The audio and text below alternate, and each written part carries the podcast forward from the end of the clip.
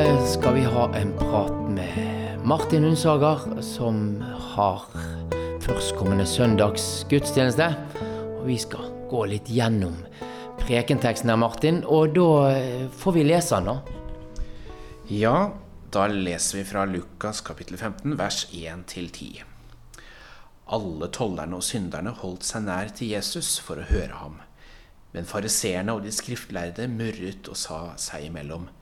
Denne mannen tar imot syndere og spiser sammen med dem. Da fortalte han dem denne lignelsen.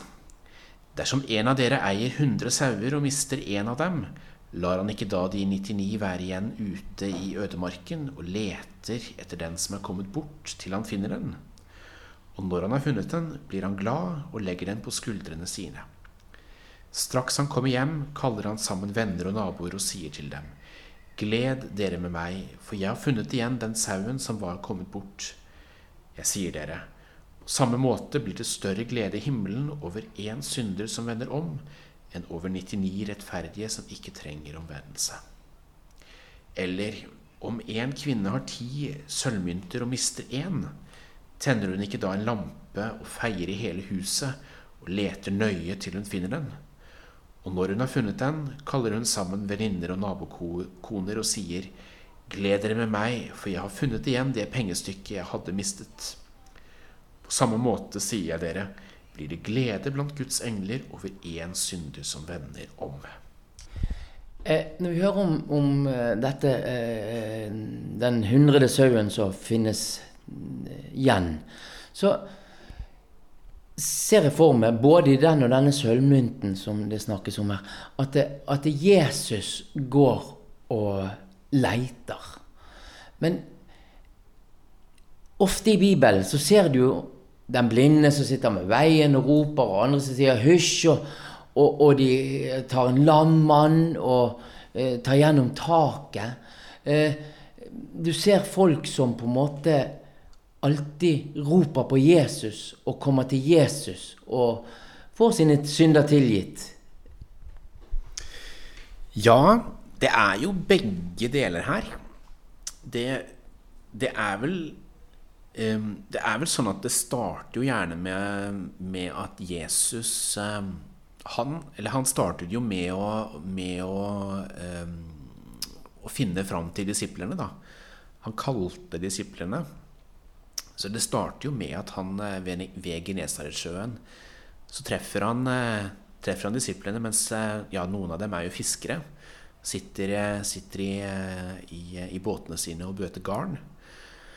Så er jo Jesus en som etter hvert får, får et rykte, da.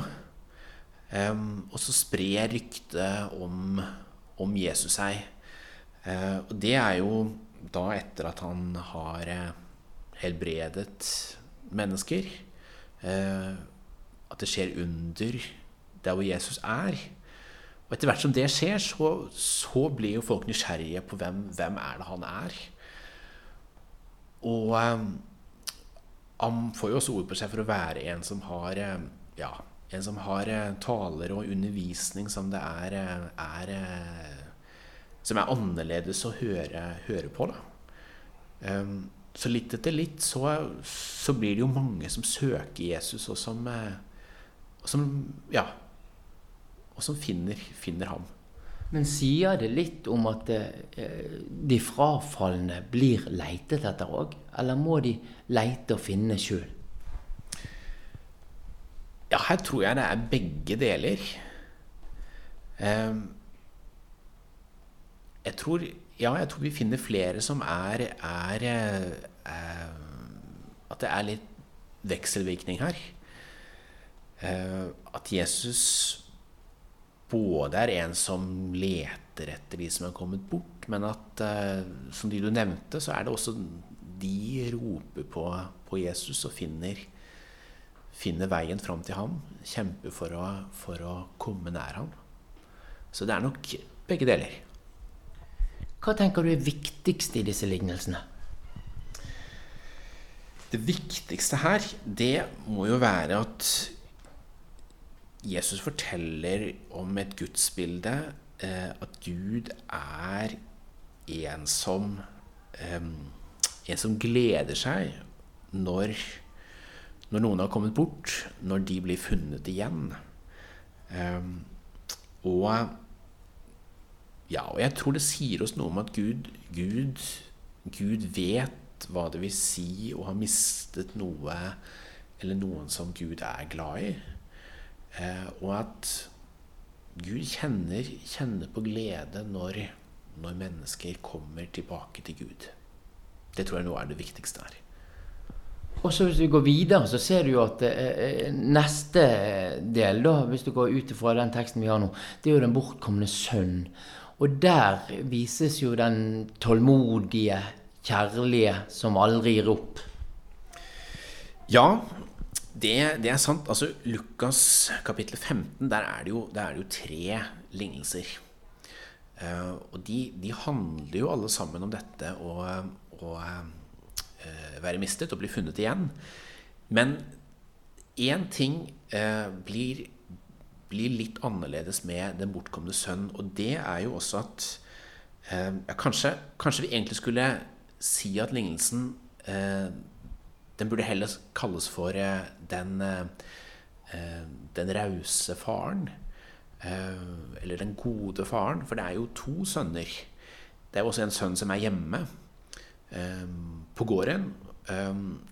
og på slutten så viser det seg jo egentlig at begge disse sønnene er jo på sitt vis bortkomne, begge to. Eh, I de to første lignelsene her så det er, det er mest fokus på den sauen som blir funnet igjen, og den mynten som blir funnet igjen. Men, men i den siste lignelsen om den bortkomne sønn så ser vi jo at eh, selv, om, selv om sønnen som var hjemme på gården, han eh, hadde kanskje ikke tenkt over hvor heldig han var, som alltid hadde fått være hos den eh, på gården til faren. Eh, og at kanskje er det ikke sånn at vi mennesker kan deles enkelt i hvem er det som er bortkommen, og hvem er det som er eh, hvem er det som er hjemme. Men at vi kan alle på, på, på vårt vis være, være bortkomne, og at vi kan alle glemme Guds godhet og Guds raushet, og at Guds nåde er noe som vi, vi eh, bør takke, over, takke, takke for og, og, være glad for at Gud, Gud har gjort oss til sine barn. Jeg tenker litt på sånne parallellhistorier her, eh, Martin. Vi har jo den historien der eh, det er en eh, som driver en vingård, som betaler lønn, og så får han nye arbeidere på slutten av dagen, så får den samme lønn, og så blir de andre misunnelige siden de har jobbet så mye kortere enn de og får samme lønn. Ja, det er jo noe Det er jo noe som ligner her. Det er jo godt sagt at, at dette er en parallell historie. Det handler jo om dette, dette, med at nåden At det er noe anstøtelig med, med nåde. da At Gud, Gud, tilgir oss mennesker. Eh, og det kan jo være vanskelig og nesten opprørende for oss mennesker. Eh, kan Gud, kan Gud tilgi?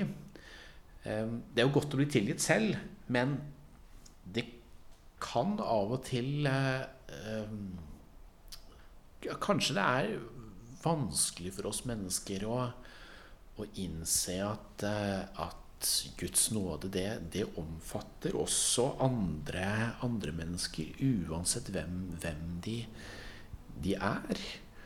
Og uansett hvordan historien deres har vært. Da Martin, da skal ikke vi ta oss og uh, avsløre alle poenger, for du har gode poenger i ermet som du skal ta og, og, og, gi til de som kommer på gudstjeneste på søndag som kommer. Så da må oppfordringen være Kom på gudstjeneste.